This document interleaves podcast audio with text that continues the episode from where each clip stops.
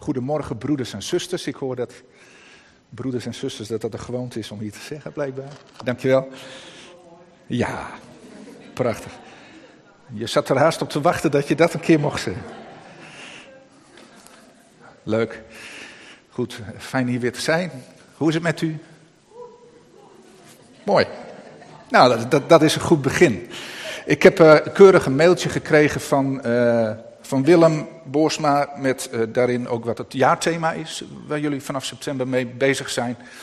En dat is Volg jij mij. Het stond ook aan het begin van de dienst op de sheets. En als ik het goed begrepen heb, dan is die tekst vooral ontleend aan het gedeelte waarin Petrus zich heel druk maakt in een gesprek om Jezus, om zich heel druk maakt wat er met Johannes allemaal gaat gebeuren. En dan Jezus zegt van, bemoei jij je daar nou maar niet mee, maar volg jij mij. Dat is, dat is de basis. En in december staat dan in het schema, gaan we het vooral hebben ook over de geboorte van Jezus natuurlijk. Maar het volgen van Jezus, en daar wil ik graag even mee beginnen, dat vraagt wel opmerkzaamheid. Opletten. Want voor je het weet ben je hem kwijt, zeg maar. Dan is hij veel verder weg dan dat je misschien het gevoel hebt. Of is een andere kant op gegaan terwijl je zelf nog lekker rechtdoor aan het lopen bent. Het vraagt opmerkzaamheid. Opletten. En opmerkzaamheid, dat kan in de allerbreedste zin van het woord zijn, maar het, uh, van, uh, van het woord zijn. Maar het gaat ook vooral om opmerkzaam zijn. Wat er in Gods woord staat. Het zien en herkennen. Wat deed Jezus? U kent die armbandjes ook al. Hè? What would Jesus do? Die, die letters. Wat deed Jezus? Hoe ging Jezus met dingen om? En in wat voor omstandigheden of wat gebeurde er rondom hem heen? De discipelen waren Jezus gewoon ook soms kwijt. Niet in letterlijke zin, maar in figuurlijke zin. Waren ze hem echt kwijt? Wat bedoelt hij hier nu weer mee? Wat is hij nu weer aan het doen? Opmerkzaamheid en goed opletten is wel een van de dingen. En ik ga straks even een stukje lezen eh, van uh, een van de bekendste delen van kerstverhaal. Dat is het gedeelte over de wijzen uit het oosten. Nu blijkt in de nieuwe Bijbelvertaling dat het magiërs uh, zijn opeens. Dat, uh, dat, moet je soms aan wennen, hè? die Bijbel magier, dan, dan denk je van oh dat is iets engs.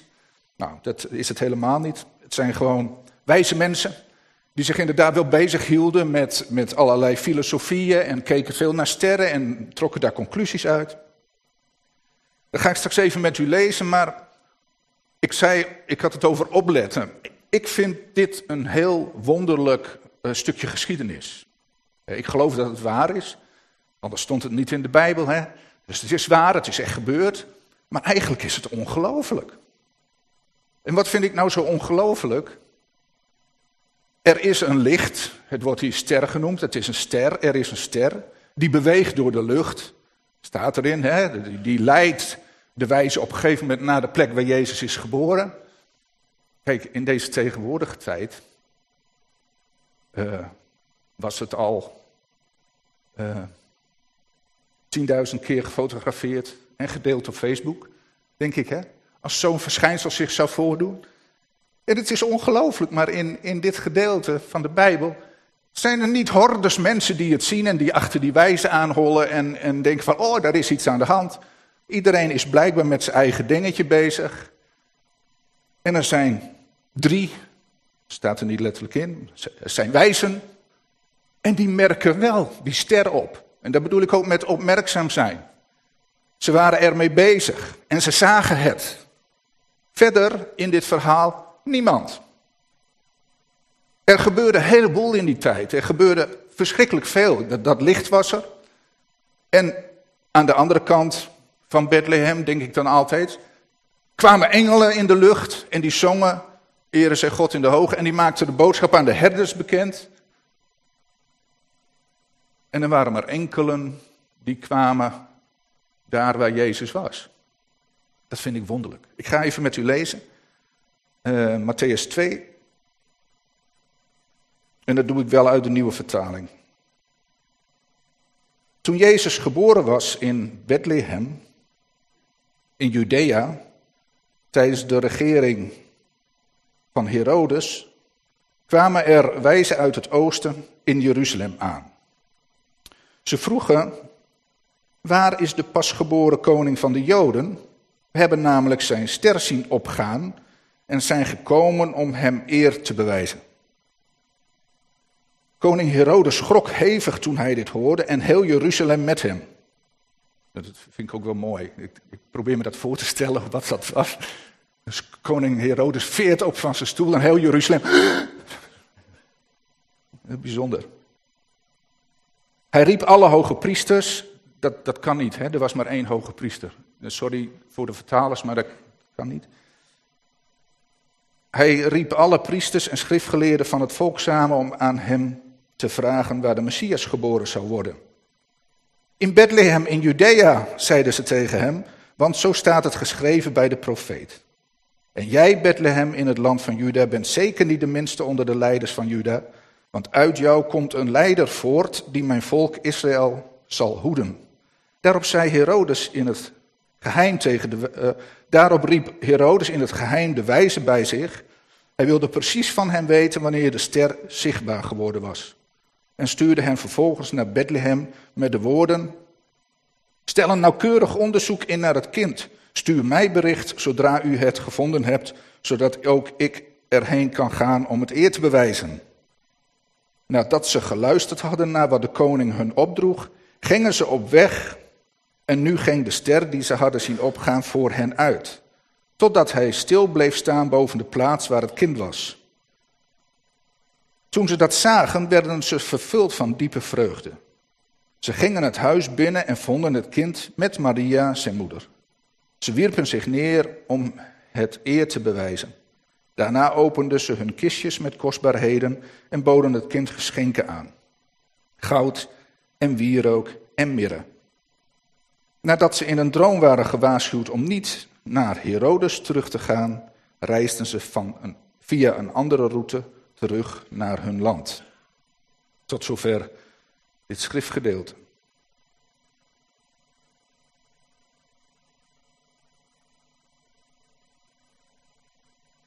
Volg jij hem? En eigenlijk is het thema, als je hier even naar kijkt, van zie jij het licht? Zie jij zijn ster? Ben je opmerkzaam? Let je op waar Jezus is?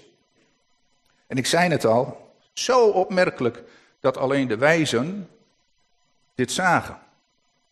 En eigenlijk moet dit voor het Joodse volk, als ze dit lezen, verschrikkelijk zijn.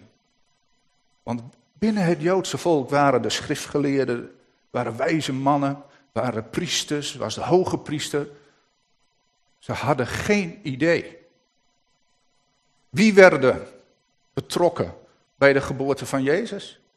Mensen van ver, uit het Verre Oosten. Herders, ook niet zo'n uh, heel uh, belangrijk volkje, zeg maar. Dat waren, waren wat mindere mensen. Die werden attent gemaakt op de geboorte van Jezus. Niet de wijzen, de schriftgeleerden en de, de, de hooggeplaatsten, uh, de hoge religieuze mensen. Dat is opmerkelijk. De wijzen zagen een ster.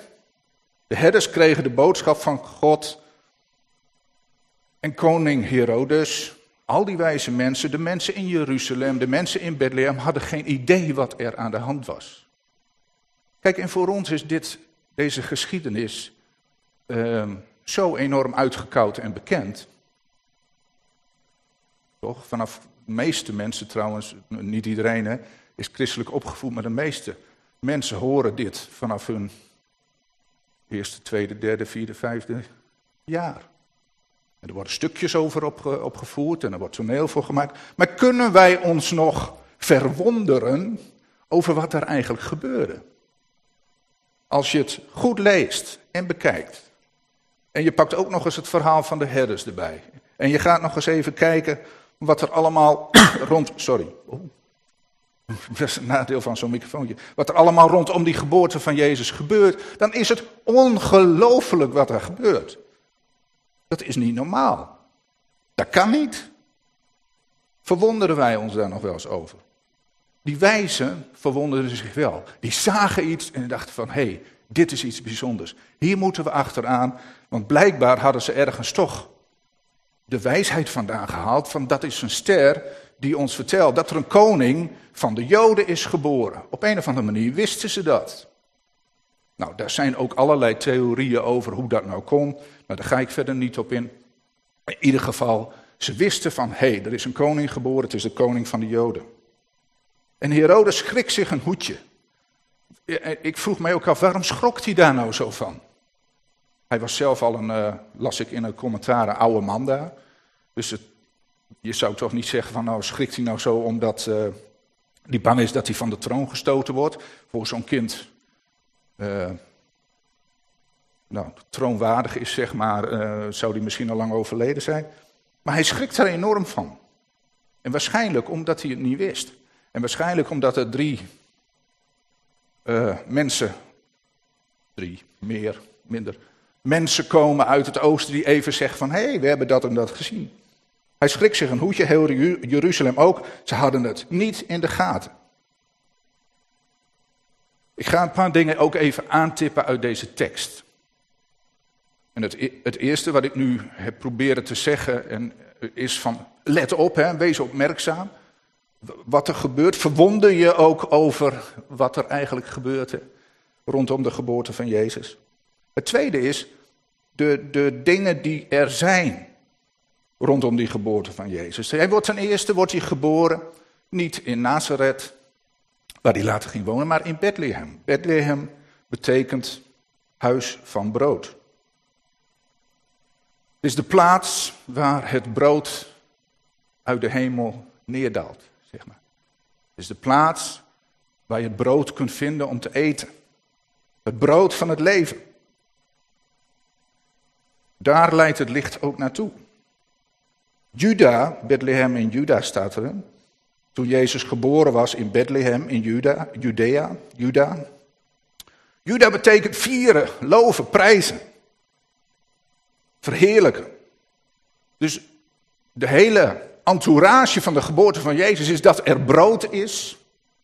Denk maar aan het avondmaal, het levende brood. Er is brood en het is feest. Bethlehem in Juda.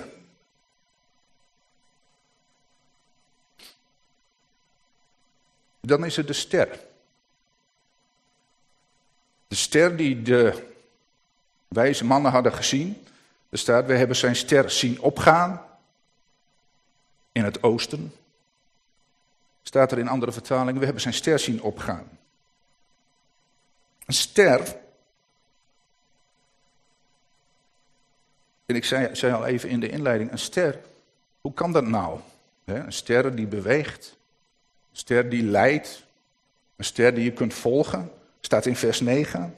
Oh, lekker, dankjewel. Misschien straks even. Um, Dat staat ook in vers 9. Nadat ze geluisterd hadden naar wat de koning hun opdroeg, gingen ze op weg. En nu ging de ster die ze hadden zien opgaan voor hen uit. Dus die ster die bewoog. En een bewegende ster, die, dat bestaat niet. Hè? Dus als wij naar de sterrenhemel kijken, dan, dus het is wel een heel bijzonder iets wat daar gebeurde. Er was een bewegende ster. En wat daar nu staat in uh, vers 2. Zij vroegen aan Herodes, waar is de pasgeboren koning van de Joden? Wij hebben namelijk zijn ster zien opgaan en zijn gekomen om hem eer te bewijzen. Wij hebben zijn ster gezien, staat er. En het woordje zien, wat er in de Griekse tekst staat, is niet gewoon het woordje voor, oh, ik zie iets. Ik zie, ik zie een figuur of ik zie een beeld. Dat betekent echt opmerken. Dus wij hebben zijn ster opgemerkt. We hebben zijn ster, je zou kunnen zeggen, we hebben inzicht. We hebben begrepen. We zien het. We hebben zijn ster gezien. En in hoeverre zijn wij in staat als, als gelovigen, als christenen, om dingen te zien, te herkennen, op te merken? Als u Bijbel leest, of als u een prediking hoort, als u met Gods woord bezig bent, of als u een lied zingt, merkt u dan op. Bent u zich bewust van wat u leest? Bent u zich bewust van wat u hoort?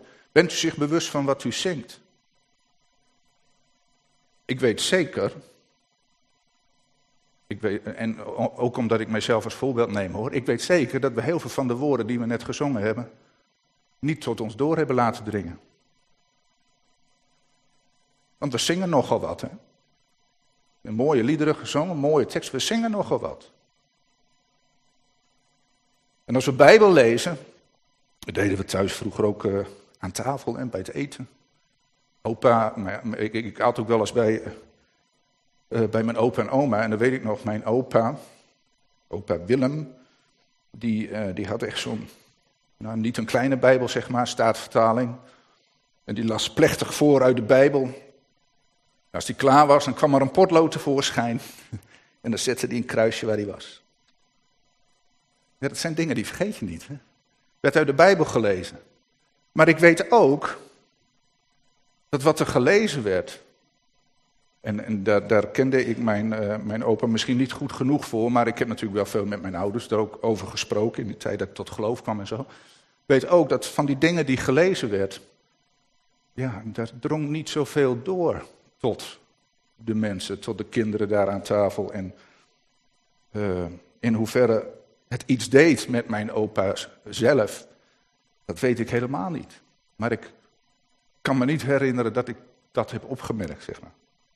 Dus veel dingen die we lezen uit de Bijbel, doen we misschien gewoon uit gewoonte. We gaan een stukje lezen. Maar denk er eens over na, merk eens op, kijk eens of je iets ziet. Let eens op wat er staat. En wees nieuwsgierig. Wees als een oen, zeg ik dan wel eens.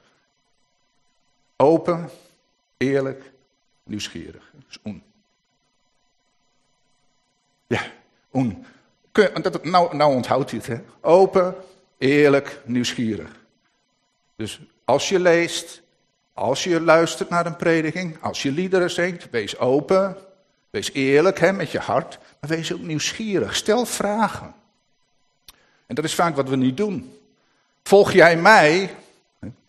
Jezus volgen? Ja, ik volg Jezus. En wat doen we dan als we. Wat doen we daar dan mee? Hoe doe je dat dan? Hoe, volg je, hoe volg je nou Jezus?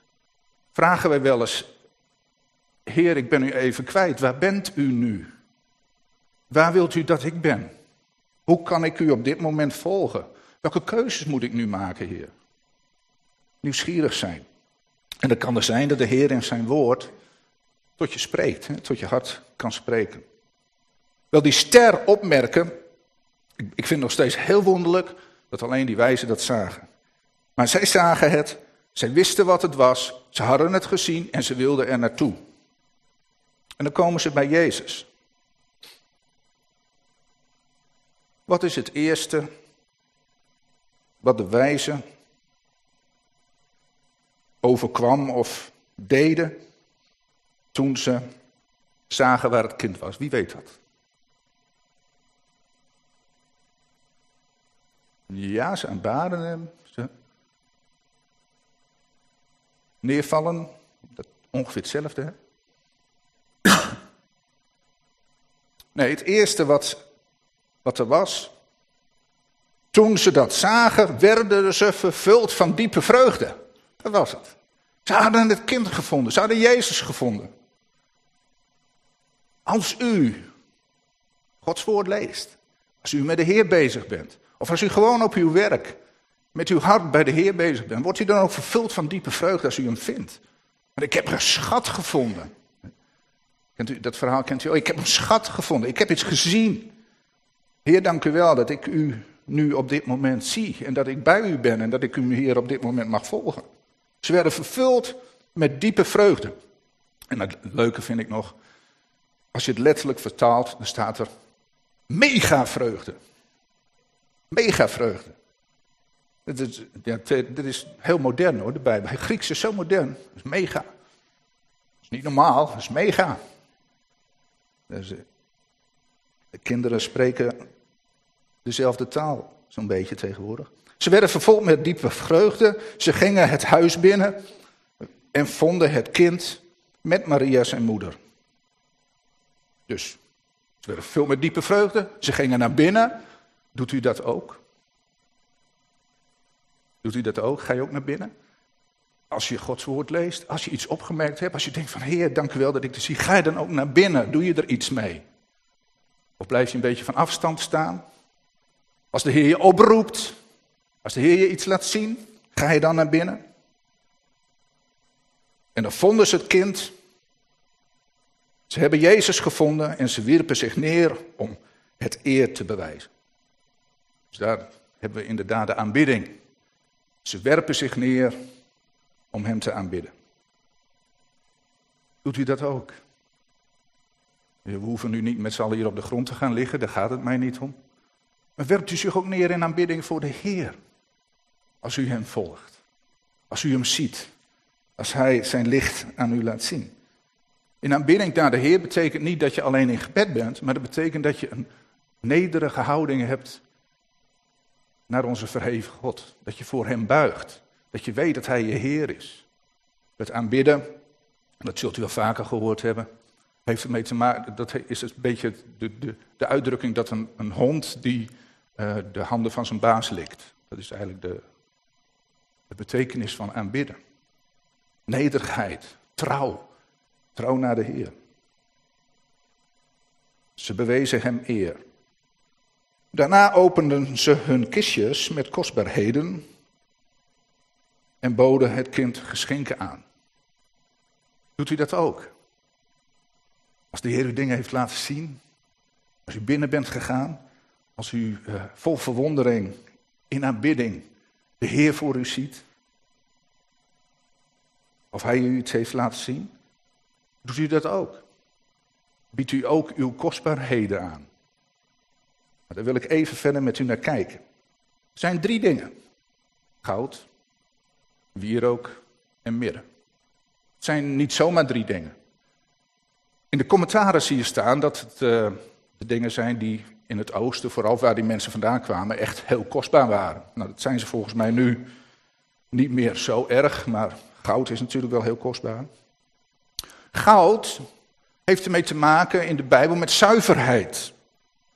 Ik noem u even een, uh, een tekst op, Openbaringen 3, vers 18 bijvoorbeeld. Het heeft te maken met zuiverheid. 1 Petrus 1, vers 7, waarin staat in 1 Petrus 1 dat je wordt gelouterd als goud. Als het fijnste goud. Betekent dat de Heer je zuiver maakt, dat hij de rommel uit je vandaan haalt. En dat gaat door het vuur. En dat, dat wordt dan loutering genoemd. Dat gaat door het vuur. Dwars door het vuur, zegt een lied ook, maakt u mij rein en puur. Dat gaat over die tekst. 1 Petrus 1, vers 7. Goud is dus gezuiverd. En dat heeft te maken met dat de Heer je reinigt en heiligt. En dat hij je mooi maakt. Maar goud heeft ook te maken met koningschap. En daar noemde ik net even Openbaringen 3, vers 18. De gouden kronen. Heeft te maken met koningschap. Gouden scepter maken met koningschap. Dus goud is de zuiverheid van God. Goud is de reinheid. Goud is het koningschap van Jezus. Als we eens even kijken naar wierook, en dan wil ik wel even met u een tekst opzoeken. In 2 Korinthe 2, vers 14 tot 16. 2 Korintiërs 2. Ik had het nog even in de, in de auto met mijn moeder erover, of mijn moeder vertelde dat. Dat uh, eigenlijk na de grote reformatie, hè, dat de wierook, dat dat voor de protestantse kerken niet meer mocht. In de katholieke kerken doen ze dat nog wel. Ik vind het een beetje jammer, ruikt lekker. Ja toch? Wierook. Wierook is geur. En waar, waar goud vaste stof is, daar is wierook is zeg maar gas, dat is een geur. Dat is vluchtig. God zij gedankt dat hij ons, 2 Korinthe 2 vers 14, die één zijn met Christus, in zijn triomftocht meevoert en dat hij overal door ons de kennis over hem verspreidt als een aangename geur. Dus een geur, wierook, geur, heeft dus te maken met de kennis van God wordt ook wel uh, uitgelegd als de aanwezigheid van God. geur.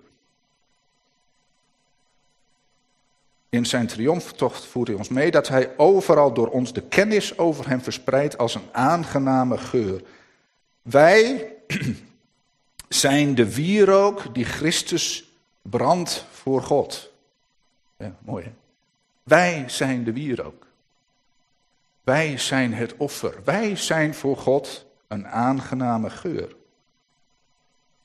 Wij zijn de wierook die Christus brandt voor God. Zowel onder hen die worden gered, als onder hen die verloren gaan.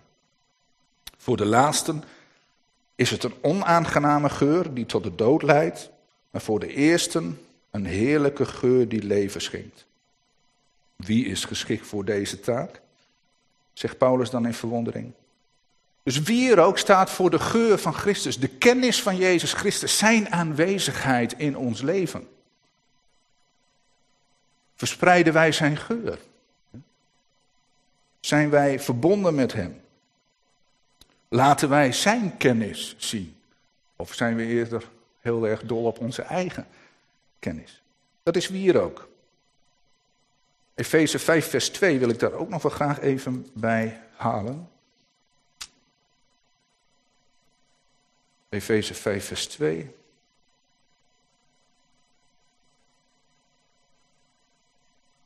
Ik lees vers 1 er even bij uit Efeziërs. Volg dus het voorbeeld van God als kinderen die hij lief heeft en ga de weg van de liefde. Dus Jezus volgen, hè, volg jij mij, betekent dus ook dat je de weg van de liefde gaat. Zoals Christus die ons heeft liefgehad en zich voor ons gegeven heeft als offer, als een geurige gave voor God. Het offer van Jezus was voor mensen dan wel vreselijk, maar voor God was het een geurig offer, omdat hij zichzelf wilde prijsgeven. En wat hier in Efeze staat, is dat, dat, dat de apostel zegt, dat moet jij ook doen. We roepen jou ook op om dat te doen. We roepen jou op diezelfde weg te gaan. Volg het voorbeeld van God. En ga de weg van de liefde zoals Jezus dat deed en zichzelf volkomen had gegeven. Dus goud, wierook, mirre, goud. Goud had te maken met het koningschap van Christus. Dat betekent ook dat wij ons eigen koningschap, wat we eigenlijk gekregen hebben toen Adam zondigde, hè, weet je nog, toen werd, werd hij zijn eigen God, ons eigen koningschap, ons eigen koning zijn, dat we dat bij Jezus neerleggen. En wierook, de geur, betekent dat je je eigen leven bij hem neerlegt. Dat je jezelf offert voor hem. Dat je je lichamen, zoals in Romeinen 12 staat, stelt tot een levende, goden welgevallige offerande. Dat is wierook. En dan komen we bij mirre. En mirre vind ik wel iets moeilijker. Mirre heeft iets te maken met bitterheid. Het woord tenminste. Mirre is, uh, is ook heel, heel heerlijke olie. Dat is, dat is olie. Dus waar mirre staat, is dat altijd in de vorm van olie. Dat vinden we onder andere terug bij um, de dood van Jezus Christus. Uh, toen hij gestorven was aan het kruis. Toen hebben mensen hem van het kruis gehaald en hebben hem in het graf gelegd. En er staat er dat Nicodemus, dat is diezelfde die bij Jezus kwam met allerlei vragen over de wedergeboorte. Prachtig gedeelte trouwens in Johannes. Er komt Nicodemus met uh, mirre om het lichaam van Jezus te balsemen. Dus olie, balsemen, heeft te maken met, uh, met de dood van Jezus. Maar heeft ook te maken met genezing. Olie heeft ook te maken met licht. Want de lampen branden ook op olie. Dan wel niet op mirre, maar het gaat even om de olie. Dus mirre heeft toch iets te maken met de dood. Met overgave. Met de dood van Jezus Christus. Dus als we het dan hebben over goud, wierook en mirre, dan hebben we het over koningschap van Jezus. Zijn leven als een offerande en een heerlijke geur voor God. En zijn dood, waarin hij God verheerlijkte. En eigenlijk zien we in dat wat de wijze neerlegde bij Jezus, zien we alles wat God, of alles, veel van wat God ook van ons vraagt. Ik zei het net al even. Geven we onszelf. Geven we onszelf. Geven we ons eigen koningschap. Leggen we dat bij hem neer. Dat is één. Wie hier ook. Willen wij die heerlijke geur ook voor Jezus zijn? Willen wij ook ons eigen leven afleggen? Mirre, zijn we bereid diezelfde weg van God, van Jezus ook te gaan? Ons leven af te leggen. Maar wel onder zijn salving van olie ook te leven. En dan kom ik eigenlijk weer een beetje uit bij het begin. Volg jij mij, betekent dat je oplet. Het, het volgen van Jezus betekent dat je opmerkzaam bent. Heb jij zijn ster gezien? In dit gedeelte waren het alleen de wijzen. En ik zei al, in deze moderne tijd was het waarschijnlijk heel anders gegaan. En dan waren er heel veel foto's waarschijnlijk van gemaakt, op Facebook gedeeld en weet ik veel wat niet allemaal, allemaal verhalen. Dan had Herodes die wijze ook helemaal niks gevraagd hoor, die had gewoon even gegoogeld. En waar wordt de Messias geboren? Had hij, had hij eh, direct gevonden dat het in Bethlehem was. Het was heel anders gegaan. Maar het gaat er niet om het verhaal, het gaat om de diepte erin.